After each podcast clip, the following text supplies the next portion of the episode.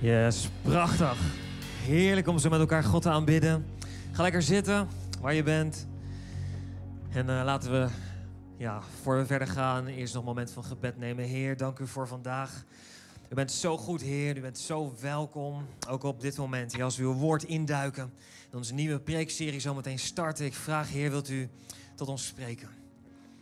Heilige Geest, wilt u door de rijen gaan? U kent onze vragen, onze uitdagingen. U kent, Heer, waar we zijn in onze reis met u. En ik vraag, Heer, wilt u ons bedienen? Wilt u tot ons spreken? En voor degenen die het nodig hebben op dit moment, om een arm om hen heen te voelen. Vraag ik, Heilige Geest, wilt u dat doen?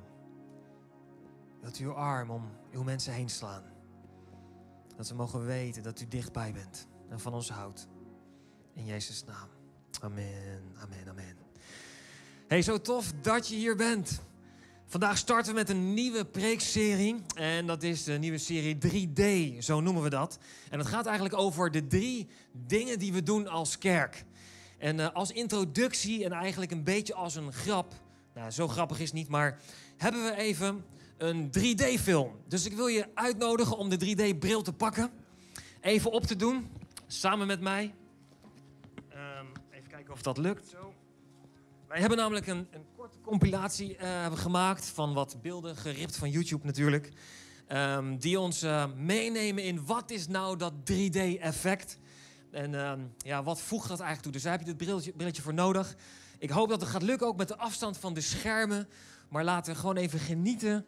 Even kijken wat er uh, op ons afkomt. Nou, als het lukt, het productie, ja. Tof.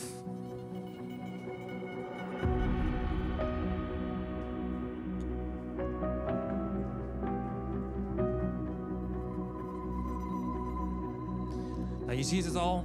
Het lijkt alsof het uit het scherm komt. Pak die vlinder. Oh, de brandweer.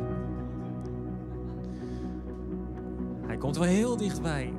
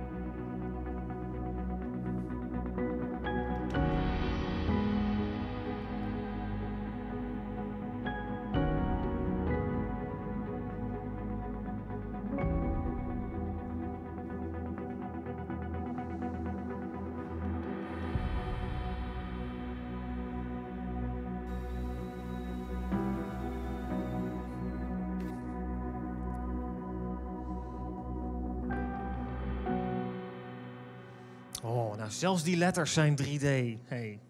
Nou, vonden jullie het mooi? Ik hoop dat het uh, een beetje beeld geeft over nou ja, 3D. Voor degenen van ons die naar de bioscoop gaan en daar 3D-video's bekijken, die hebben, hoeven tegenwoordig niet meer een rood-blauw brilletje op, maar hè, daar heb je andere technieken voor. Maar het gaat vooral even om ja, wat je ziet, om een beeld te krijgen wat er gebeurt als je zo'n bril opzet en wat er dan met dat scherm gebeurt. Want het lijkt alsof het op je afkomt. En er zijn prachtige metaforen uit te halen uit uh, dat, ja, dit, deze 3D-ervaring. En ik wil er twee noemen die ik bijzonder vind die we ook kunnen toepassen eigenlijk in ons geestelijk leven. En dat is de eerste is dit, een 3D geeft een extra dimensie. Dat is wat we hier natuurlijk nu zien. Weet je, op het moment als je de bril opzet, dan lijkt het alsof het echt naar je toe komt. En je moet maar eens proberen, op het moment als je niet driedimensionaal zou kunnen kijken, wij, hè, dan um, ja, loop je met je neus tegen de muur. En dat kun je proberen door, probeer eens met één oog, één oog dicht te doen. En dan je vingertoppen te raken. Dus dat moet je even op afstand doen. Hè? Dus je armen wat wijder, één oog dicht. En dan probeer je je vingertoppen te raken. Meestal, de, bij de meeste mensen lukt het niet. En degenen die het wel lukken, die kunnen straks even naar het gebedsteam. Nee, dat is een grapje. Maar op het moment als je het oog open doet, dan lukt het wel. En dat komt omdat we dan diepte kunnen zien. En dat is precies wat er gebeurt op het moment als we God in ons leven toe, toelaten. Als we Jezus aannemen in ons leven, ik geloof dat we het mooie metafoor kunnen gebruiken. Dat het, ons leven verrijkt. Dat het als het ware is dat we die bril opzetten en dat we door de ogen van Jezus kunnen gaan kijken en dat het ons leven verrijkt. Dat we een derde dimensie, een geestelijke dimensie, wordt toegevoegd aan ons leven. En tegelijkertijd, ik weet niet wie van jullie de bril ook heeft afgedaan af en toe. Om even te kijken, komt dat nou echt op me af? Hoe doen ze dat nou? Hoe zit die techniek in elkaar? Ik ben er wel zo heen. En um, wat je dan natuurlijk ziet, is dat het ja, bril af is eigenlijk het beeld wat wazig. Het is een beetje onscherp. Je ziet rood en blauw en dan het, het, het object er nog in het midden. En dat is ook wat er gebeurt. Op het moment als wij Jezus aannemen in ons leven, dan kan het zijn dat omstandigheden, situaties die eerder blur waren, die onduidelijk waren, die we niet scherp zagen, dat we die door de ogen van Jezus, door een geestelijke bril bekijken, dat het ineens duidelijk wordt, dat het ineens scherp wordt. En ik vind dat een mooi, mooi vergelijk. En daarom vind ik het tof dat we deze serie de 3D hebben genoemd. En een mooi voorbeeld uit de Bijbel is dit, dat de profeet Elisa. En die had een medewerker, een knecht noemden we dat in de, in de Bijbel, die bij hem was en uh, hem hielp met alles wat daar moest gebeuren. En er was het moment dat er oorlog zou gaan uitbreken. Er was een land wat was gekomen met een enorm leger, wat wilde, wilde gaan aanvallen. En Elisa was niet bang. En die knecht, die zijn medewerker, die zei: Elisa, het is niet letterlijk zo, je moet het verhaal maar lezen in de Bijbel. Het staat in, um, ergens in Koning, geloof ik. Uh, maar die vertelde, vroeg ja, hoe kan het nou zijn dat je niet bang bent? En toen zei Elisa: Heer, wilt u de ogen van mijn knecht openen? Zodat hij ook kan zien wat ik zie. En toen dat gebeurde, toen zag die knecht in de verte, bij de heuvels, zag hij een enorm leger met vurige paarden. Met andere woorden, hij kreeg door met zijn geestelijke bril te kijken, zag hij een extra dimensie waar Gods aanwezigheid zo, zo sterk was. En waarin hij kon zien dat God er voor hun was en hen zou beschermen, voor hen uit zou gaan en hun zou, voor hen zou strijden.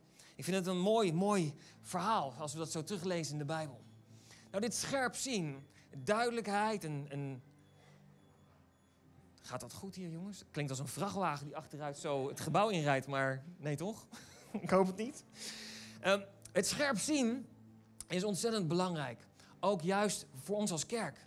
Het is belangrijk dat we met elkaar als kerk goed weten waar we voor gaan, wat onze doelen zijn en wat onze missie en wat onze visie is. En dat lezen we terug in Genesis 11. De kracht van eenheid en de kracht van, van een visie en een duidelijk doel en een plan.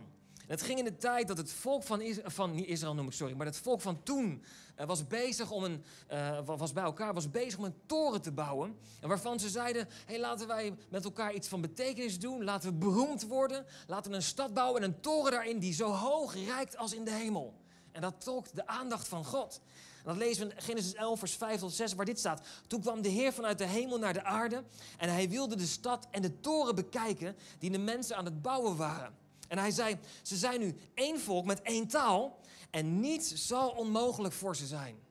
En hier lezen we dat de kracht van eenheid, de kracht van één taal spreken, dus met elkaar gericht ook zijn op eenzelfde uitkomst, dat dat ontzettend, ontzettend krachtig is. In een andere vertaling staat dit: alles wat ze nog van plan ligt, wat ze, wat ze nog van plan zijn, dat ligt in hun bereik. Zo staat het daar. Niets zal onmogelijk voor ze zijn. En in dit verhaal ging het om hun eigen eer. En God stak daar een stokje voor. Dat was niet de bedoeling. En toen kwam de Babylonische spraakverwarring, zoals je dat ook kunt terugvinden in de Bijbel. Maar als we kijken naar de positieve kant van dit stuk, is dat de kracht van eenheid moeten we niet, niet onderschatten. En daarom is het belangrijk dat we als kerk ook helderheid en duidelijkheid hebben. En daar gaat deze serie over. De drie dingen die we doen als kerk. Onze missie vinden we terug in Matthäus. Waar staat dat Jezus iedereen tegen zijn volgelingen zegt: ga de wereld in. Verkondig het evangelie, vertel de mensen over mij. Doop ze in de naam van de Vader, de Zoon en de Heilige Geest. Dat is de missie die we hebben als kerk. We hebben een mooie visie, die kun je ook op de website teruglezen, waar duidelijk uitgeschreven staat waar we voor willen gaan als kerk. Hoe we dat in, in een vergezicht zien, waar we met elkaar aan bouwen. Maar alles samengevat komt eigenlijk neer op deze drie dingen. De 3D. En dat is dit. We helpen mensen om God te vinden. We helpen mensen om vrijheid te ervaren. En we helpen mensen om verschil te maken in een wereld om hen heen. En weet je, deze roep is niet alleen, als we kijken naar de missie die Jezus gaf, is niet alleen naar de kerk, naar een organisatie of naar een instituut van... hé hey mensen, dit is jullie opdracht. Nee, hij geeft die opdracht aan zijn volgelingen. En op het moment als je een keuze hebt gemaakt voor Jezus... en je bent volgeling geworden, dan is dus tegelijkertijd daar die uitnodiging... waarbij Jezus zegt, hé, hey, volg je mij? Ben je mijn volgeling? Dan geeft hij een opdracht mee en zegt hij, hey, ga de wereld in. Vertel mensen over Jezus. Verkondig het evangelie en doop ze in de naam van de Vader, de Zoon en de Heilige Geest. Misschien heb je dat nog niet eerder zo gezien. En misschien dacht je van, hé, hey, zo'n roeping zit eigenlijk alleen in op het moment als ik naar, als zendeling naar Afrika wil of naar Azië of vul maar in. Maar nee, deze roeping is voor ons allemaal. En waarbij staat, trek jouw wereld in, trek de wereld in. Wat is jouw wereld? Dat is gewoon waar je vandaag de dag bent en waar je leeft. Op je werk, in je gezin, thuis, in familie, in de straat waar je woont. En ons is de vraag, en is deze uitnodiging de opdracht, hey, ga je daarin mee? En wil jij ook, weet je, een, vertegenwoordiger zijn van Jezus en andere mensen helpen om Jezus te vinden? Vandaag wil ik vooral kijken naar deze eerste van deze drie dingen die we doen. En dat is God vinden. En ik heb daar drie punten over die ik met je door wil nemen. het eerste punt is dit. Eigenlijk gaat, als we zeggen God vinden, bedoelen we daar ook mee God steeds beter leren kennen. Sommige mensen van ons moeten God nog voor de eerste keer ontmoeten. En dan, weet je, leren we God kennen. Maar voor ons allemaal is het zo dat we God steeds beter mogen leren kennen. Dat heeft alles te maken met dat God een levende God is en dat Hij relatie wil met ons. Het moment als je een vriendschap hebt, als je met mensen omgaat, weet je, vriendschappen verstevigen en worden beter en worden sterker. Dat komt omdat je elkaar steeds beter leert kennen. Maar zo is dat ook met God. En wat wij doen met elkaar als kerk is mensen helpen daarbij. Dat doen we door alles wat we, wat we doen, doen we dat heen. Als het gaat over cursussen, als het gaat over connectgroepen, als het gaat over de zondagdienst waar we vandaag zijn, het woord waar we induiken. Alles wat we doen is om je te helpen om God beter te leren kennen. En dat vinden we terug in Colossense 1 vers 15, waar, waar dit staat. Jezus is de afbeelding van God. God kunnen we niet zien. Dus als we God beter willen leren kennen, wat moeten we dan doen? Dan moeten we mensen helpen om Jezus beter te leren kennen. Want Jezus heeft voorgeleefd en zichtbaar gemaakt wie God is, hoe Hij denkt, hoe Hij kijkt en, en wat Hij van ons vraagt. we lezen verder, maar aan Jezus kunnen we zien wie God is. Jezus was er al voordat God alles maakte. Dat is heel lang geleden. Want door Jezus heeft God alle dingen in de hemel en op aarde gemaakt. De zichtbare dingen en de onzichtbare dingen. Alles wat heerst en macht heeft. Alles is door Hem en voor Hem gemaakt. Wist je dat? Dat jij bent gemaakt door Jezus, maar vooral ook voor Jezus. En kan het zijn dat we dan misschien wel moeten zoeken, oké, als ik dan gemaakt ben door u en ook voor u, dat we misschien bij Hem terecht moeten om op zoek te gaan, Heer, wat vraagt u van mij? Wat is dan uw doel en uw plan voor mij persoonlijk, voor mijn leven? En dat vinden we in Efeze 1, vers 11, waar dit staat. It is in Christ that we find out who we are and what we are living for. Long before, uh, before we first heard of Christ and got our hopes up, He had His eye on us, had designs on us for glorious living, part of the overall purpose He is working out in everything and everyone. Hier lezen we dat zijn ogen zijn al op jou nog voordat je hem überhaupt kende. Hoe mooi is dat? De ogen van God zijn op jou. Hij kijkt naar jou. Hij zoekt naar je. En hij heeft een fantastisch mooi plan voor je leven. In Jezus vinden we wie we echt zijn en waar we voor leven. En op het moment dat het gaat beginnen, Jezus zei: Ik ga nu naar de hemel. Ik ga, hij zit aan de rechterhand van de Vader, zo staat het in de Bijbel. En toen is het moment gekomen dat de Heilige Geest naar de aarde kwam. En dat is wat er vandaag de dag gebeurt. We geven ons leven aan Jezus. We laten ons dopen en de Heilige Geest komt in ons wonen. En dat is degene die ons helpt en leert en helpt te begrijpen wat God bedoelt. En dat lezen we in 2 Korinthe 3, vers 18, want we gaan steeds meer op Jezus lijken. En dat gebeurt door de geest van de Heer. Hij is degene die uitwerkt in ons wat God van plan is en wat God van ons vraagt. En weet je, dan heb je je leven aan Jezus gegeven. En dan leef je misschien voor God. En je, weet je, je gaat die reis aan. En soms denken we nog wel eens van, ik heb nu hè, het leven aan Jezus gegeven en dit is het. Nou, ik, ik ben er. Nou, ik wil je niet teleurstellen, maar Dat is het begin. We hebben een mooie doopvideo gezien. Weet je, mensen die een keuze voor Jezus maken, onder water, opnieuw opstaan en volgeling zijn van Jezus. En dat is het begin van de reis met God. Maar die reis is helaas niet een soort geplaveide, hoe zeg je dat, geasfalteerde weg. Nee, dat is wat ik noem in punt 2, de bumpy road. De bumpy road. En zeker als je al wat langer onderweg bent, kan het zijn dat er dingen gebeuren die je misschien dat had, voorzien, die niet had gehoopt. Maar dat er uitdaging komt waardoor misschien je geloof of je vertrouwen in God misschien wel een beetje inkakt. Mag ik dat zo zeggen? En ik wil drie dingen noemen die daarin heel belangrijk zijn. Waarbij we eigenlijk mogen omkeren en daar wakker voor mogen zijn. Dat dit kan gebeuren en alert op mogen zijn. Het eerste is dit: onvervulde verwachtingen. De Bijbel spreekt over lang gerekt hopen, maakt het hart ziek. Kan het zijn dat we soms verkeerde dingen verwachten van God? Of dat we verwachten dat er dingen gebeuren zoals wij het willen. Maar dat God misschien een ander plan heeft of een andere oplossing. Soms hopen we dat God, weet je, dingen bij iemand anders verandert. Maar misschien is het wel dat God met jou aan de slag wil. Soms hopen we dat er een duidelijke stem uit de hemel komt. Maar kan het zijn dat je misschien gewoon de Bijbel moet lezen? Of kan het zijn dat je in een connectgroep zit waarbij iemand anders misschien wel, waar God doorheen kan spreken om het antwoord te geven waar je naar op zoek bent? Zo zijn er meerdere voorbeelden die we hier kunnen gebruiken. Maar het is zo belangrijk om deze te onderkennen. En het tweede is dit twijfel. Een twijfel is het tegenovergestelde van geloof. God wil heel graag dat we groeien in ons geloof. Daar is de Heilige Geest mee bezig. Die is in ons aan het werken. En dat we ons vertrouwen steeds meer op God kunnen stellen.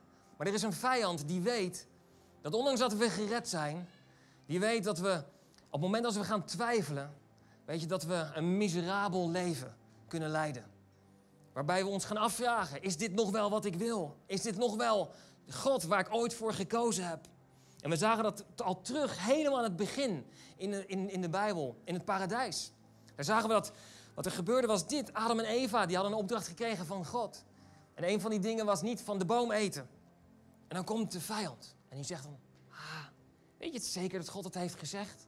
Kan het zijn dat hij misschien toch iets anders bedoeld heeft? Hè? Weet je, misschien verbergt God wel iets voor je. Op het moment als je een mooie belofte hoort, als je een waarheid uit de Bijbel hoort, God houdt van je en heeft een plan voor je.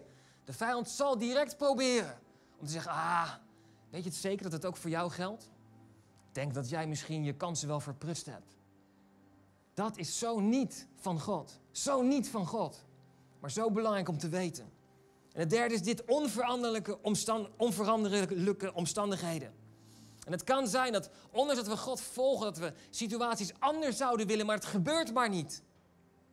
We lezen in de Bijbel dat Daniel in de Bijbel dan een gebed had naar God. En dat op het moment dat hij had gebeden, dat er al een engel werd gezonden voor een antwoord. Maar het duurde en het duurde maar voordat die engel kwam. Het was volgens mij 21 dagen. En uiteindelijk was die engel daar. En die zei tegen Daniel, ik was al onderweg op het moment dat jouw gebed kwam. Maar ik had strijd onderweg. Stel je voor dat wij God om iets vragen, om iets bidden. En dat we na één dag geen antwoord. Of na één dag dat we het niet meer ontvangen zoals we het zouden willen. Dat we het opgeven. En denken, dan zal het vast niet voor ons zijn. Dan is het vast voorbij. Hou vol is hier de boodschap. Hou vol. En het antwoord zit volgens mij in deze tekst. Als het gaat over de bumpy road. Hoe hou je vol? Hoe kun je door blijven gaan? Ik lees in Spreuken 3, vers 6 lees ik dit. Overleg al je plannen met hem, dan zal hij je leven leiden. Dus het gaat over overleg al je plannen met hem. Deze tekst lezen we nog wel eens in de andere vertaling waar staat: Ken hem in al uw wegen. Hij zal uw paden recht maken. In het Engels staat hier: Acknowledge him in all your ways. En wat me opvalt is dat hier staat: All your ways, meerdere wegen. Ik weet niet hoe jij dat ziet, maar volgens mij hebben we gewoon één levensweg, toch? Allemaal één levensweg. Van hier waar we zijn tot aan dat we uiteindelijk bij Jezus zijn. Maar hier wordt gesproken over wegen. Kan het zijn dat de Bijbel hier bedoelt dat bij het alles wat je onderneemt, welke keuzes er ook zijn, dat de Bijbel ons hier uitdaagt om God daarbij te betrekken. Acknowledge Him. Ken Hem. Betrek God in alles wat je onderneemt.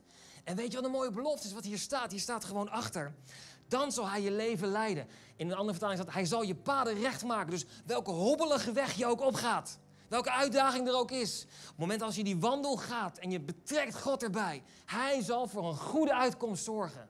Wat een prachtige belofte. Wat een prachtige belofte.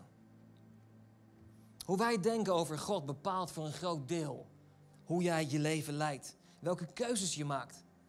En weet je, er is veel mensen om ons heen twijfelen over, is God daar dan wel of is hij daar niet? En als je dan een keuze maakt, ben ik dan wel gered of niet? Het is belangrijk dat we de goede dingen lezen in de Bijbel. Zoals bijvoorbeeld dat Jezus zegt, ik kwam om leven te geven en leven in overvloed. Dat Gods wil het goede is, het welgevallen en het volkomene. Dat God een plan voor ons heeft die zoveel hoger is dan dat wij ons überhaupt kunnen voorstellen. En de Bijbel staat vol met prachtige beloftes. Maar kan het zijn dat wij soms een beeld hebben van God dat niet helemaal juist is? Dat misschien door andere mensen aan ons gepresenteerd is. Met alle goede bedoelingen van dien, begrijp me niet verkeerd. Maar wat misschien niet helemaal klopt. En is dan de uitdaging misschien des te groot om te zeggen: hé, hey, ga zelf op zoek naar God. Zoek zelf naar zijn stem en naar zijn wil. Wat ik bedoel met dit is dit. Stel je voor dat iemand zegt tegen jou: Ik ben vol van God. Ik geloof in God, in Jezus. Je ziet al hoe ik die, hoe ik die houding erbij doe. Maar ik bedoel dit. En die persoon die dat zegt, geeft je daarna een, een stoot voor zijn harsers. Of, weet je, die scheldt je daarna uit. Maar hij heeft net gezegd dat hij vol van God is. En hij doet dan dat. Hoe matcht dat? Misschien zeg je dan wel, zo'n God wil ik niet leren kennen. Als dat God is, dan... En deze uitdaging staan we allemaal voor. In deze niet perfecte, gebroken wereld. Met allemaal christenen die allemaal een eigen uitdaging hebben. En ik wil vanuit mijn, een van mijn favoriete teksten, wil ik met je lezen in 1 Koningin 19 vers 11 tot 13, die het volgens mij heel goed uitlegt. het gaat over Elia, die was gevlucht. En um, hij zat in een rots, zat hij verborgen. En daar ontmoet hij God. Maar wat interessant is, is om er omheen te lezen wat we, hoe dat gaat. En de Heer zei dit, kom naar buiten en kom op de berg staan. Elia was gevlucht en God zegt, kom Elia, kom. Ik wil met je praten. Zo mooi en emotioneel tegelijk. En vlak voordat de Heer voorbij zou gaan, de Bijbel spreekt en niemand heeft God ooit gezien. Dus Elia ook niet. Hij heeft iets van de rug van God uiteindelijk mogen zien. Maar wat er gebeurde was dit, vlak voordat de Heer voorbij zou gaan, begon het geweldig hard te stormen. En de wind die voor de Heer uitging, verscheurde bergen en brak rotsen stuk. Maar let op, maar de Heer was niet in de storm. Soms kan het zijn in onze zoektocht naar God dat we in een storm terechtkomen. En wat hier staat is dat er een wind was, maar de Heer was niet in de storm en na de wind kwam er een aardbeving. Dus niet alle wind die we meemaken is van de Heilige Geest. We lezen in het Nieuwe Testament over dat er een wind kwam hè, bij, uh, bij Pinksteren. En dat we daar zo de Heilige Geest mee identificeren. En ja, er is wind waar de Heilige Geest in is, absoluut. Ik weet zelf ook de momenten dat we soms een wind voelen, dat we zeg maar, er staat toch geen airco aan. En dat je kippenvel, dat je voelt, God is hier. Maar er is dus ook wind. Wind met een storm, waar de Heilige Geest niet in is. Waar een storm is, waar God niet in is. En dan gaat het hier over de aardbeving. De Heer was niet in de aardbeving. Na de aardbeving kwam er een vuur, maar de Heer was niet in het vuur. En na de vuur hoorde Elia het zuizen van een zacht briesje. En zodra hij dat hoorde, sloeg hij zijn mantel voor zijn gezicht en bleef de ingang van de grot staan. God was dus niet in de storm, niet in de wind, niet in de aardbeving. Maar ondanks dit, het was wel de zoektocht. Elia zou God gaan spreken. Hij zou dicht bij hem mogen zijn. Maar hij moest door de storm. Hij moest door de aardbeving. Hij moest door het vuur heen. Kan het zijn dat wij in ons leven soms dat ook meemaken? In onze zoektocht naar God. En ik wil je bemoedigen. Geef niet op als er een aardbeving is. Geef niet op als er vuur is. Geef niet op als er een storm is en je bent op zoek naar God. Want weet je, God is daar niet in. Het zijn neveneffecten. Het zijn reacties van goed bedoelde christenen. Die dingen niet altijd goed verwoorden. Maar ga er doorheen. En kom in dat stille suizen. Waar God heel persoonlijk spreekt. In het Engels, we hebben onze kerstproductie daar een keer naar vernoemd. The Whisper. In het Engels wordt gesproken over in the whisper is God. En wat ik mooi vind uit deze tekst is dit. Om te kunnen fluisteren moet je wel heel dichtbij zijn. Om te kunnen fluisteren moet je dichtbij zijn. Dus God is zo, zo dichtbij. En het derde punt is dit, je bent geroepen. De Bijbel spreekt dat we niet alleen gered zijn, maar we zijn ook geroepen voor een heilige taak. We lezen dat in 2 Timotheus 1 vers 9. Want hij heeft ons gered en ons geroepen om voor hem te leven. En hij deed dat niet omdat we het verdiend hadden met de dingen die we zelf hebben gedaan. Nee, maar God deed dat omdat hij altijd al dat van plan was om goed voor ons te zijn. God is goed voor jou, staat in de Bijbel. En ons Jezus Christus te geven. Al voordat de wereld bestond, had hij dat plan. Johannes 15, vers 16 staat dit. Het is niet zo dat jullie mij hebben uitgekozen, zegt Jezus, maar ik heb jullie uitgekozen en aangewezen. En dan is de vraag, maar hoe kunnen wij dan dit uitleven? Wij leren God zelf steeds beter kennen. Hoe kunnen wij dat wat God aan ons geeft uitleven aan andere mensen? Daar valt heel veel over te zeggen. Maar een van de mooie teksten die ik wil aanhalen is dit Matthäus 5, vers 16. In de message staat dit: Keep open house. Be generous with your lives. ik heb het hier niet over financiën gelijk. Het gaat over je, je leven. Wees vrijgevig in je leven. Bij opening up to others lukt dat. Jezelf open te stellen voor andere mensen, vriendschappen te bouwen. En open te zijn om een zegen te kunnen zijn voor andere mensen. Want wat er gebeurt staat hier. You prompt people to open up with God, this generous Father in heaven. Dus door jou heen, doordat jij jezelf openstelt, kan het zijn dat andere mensen onze vrijgevige Vader leren kennen. En weet je, als ik het hierover heb, dan herleid ik dat gewoon naar een worshipteam. Dat voorbereidt door de week. Weet je, om dit huis hier zo, onze kerk, weet je, een plek te maken waar mensen God kunnen ontmoeten. Om een open huis te zijn. Of het productieteam, het welkomteam, wat hier heel vroeg is. Of een connectleider, die door de week een connectgroep thuis ontvangt. Mensen belt, voorbereidt. Dat is je huis openstellen. En eigenlijk is het bij ons allemaal. Moment als wij in gesprek gaan met iemand anders. Als we een vriend zijn voor iemand anders. Als we bidden voor iemand anders. We openen onszelf. En God kan door ons heen iemand anders bereiken. Waardoor die ander, onze vrijgevige vader, kan leren kennen. Maar het is heel belangrijk dat wij kunnen mensen niet veranderen. Soms zouden we willen dat we zeggen, oké, nou, nu heb je God leren kennen en dan ziet jouw leven er zo, zo, zo, zo, zo uit. En dan kan je je houden aan dit, dit, dit, dit, dit. En dan komt alles vanzelf wel goed. Nou weet je, dat deden de Israëlieten. Dus ze zeiden tegen Mozes, nou weet je wat, ga jij maar naar God toe en vertel ons dan maar wat we moeten doen. Dat is niet hoe God wil leven. God wil persoonlijk contact, relatie met ons. Dus het is belangrijk dat wij mensen naar Jezus wijzen. Wij kunnen mensen niet veranderen. En Gods weg met jou is niet per se de weg die God met iemand anders gaat. Iedereen heeft zijn eigen reis met God. Wat we wel kunnen doen, is mensen liefhebben. Mensen accepteren gewoon zoals ze zijn. Ze omarmen. Ze te wijzen naar Jezus. En te helpen om God te leren kennen. Om God iets beter te leren kennen. En ik geloof dat dit onze job mag zijn. Onze uitdaging mag zijn. Om mensen bij God te introduceren. Ze naar Jezus te wijzen. En dan komen we weer terug bij de bril. Op het moment als ze Jezus leren kennen, dan gaat hun wereld open. Wordt er een derde dimensie aan toegevoegd, een geestelijke dimensie.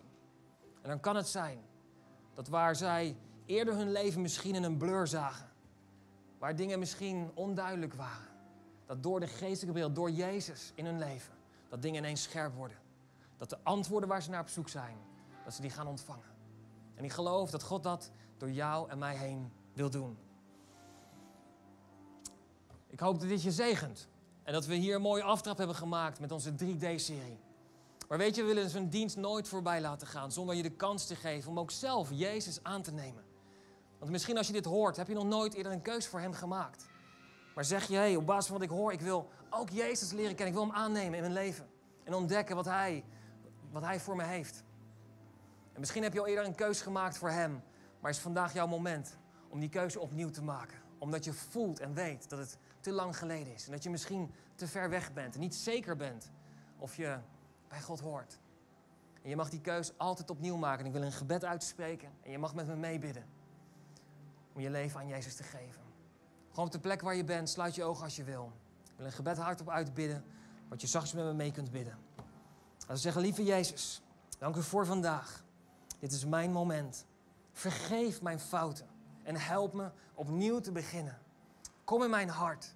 En vanaf vandaag bent u mijn leider, mijn redder en mijn allerbeste vriend. In Jezus' naam. Amen. Als je deze keus gemaakt hebt, is dat de beste keus die je kunt maken. En het is een begin van een reis. Het is niet het einde, maar het is een begin van een mooie reis met een nieuwe 3D-bril op. Waarmee je een nieuwe geestelijke wereld er voor je is. Hey, dankjewel, ik hoop dat het je zegent. En volgende week gaan we verder met deel 2. En dan gaan we het hebben over vrijheid ervaren. En ik geef nu de mic graag aan Henk.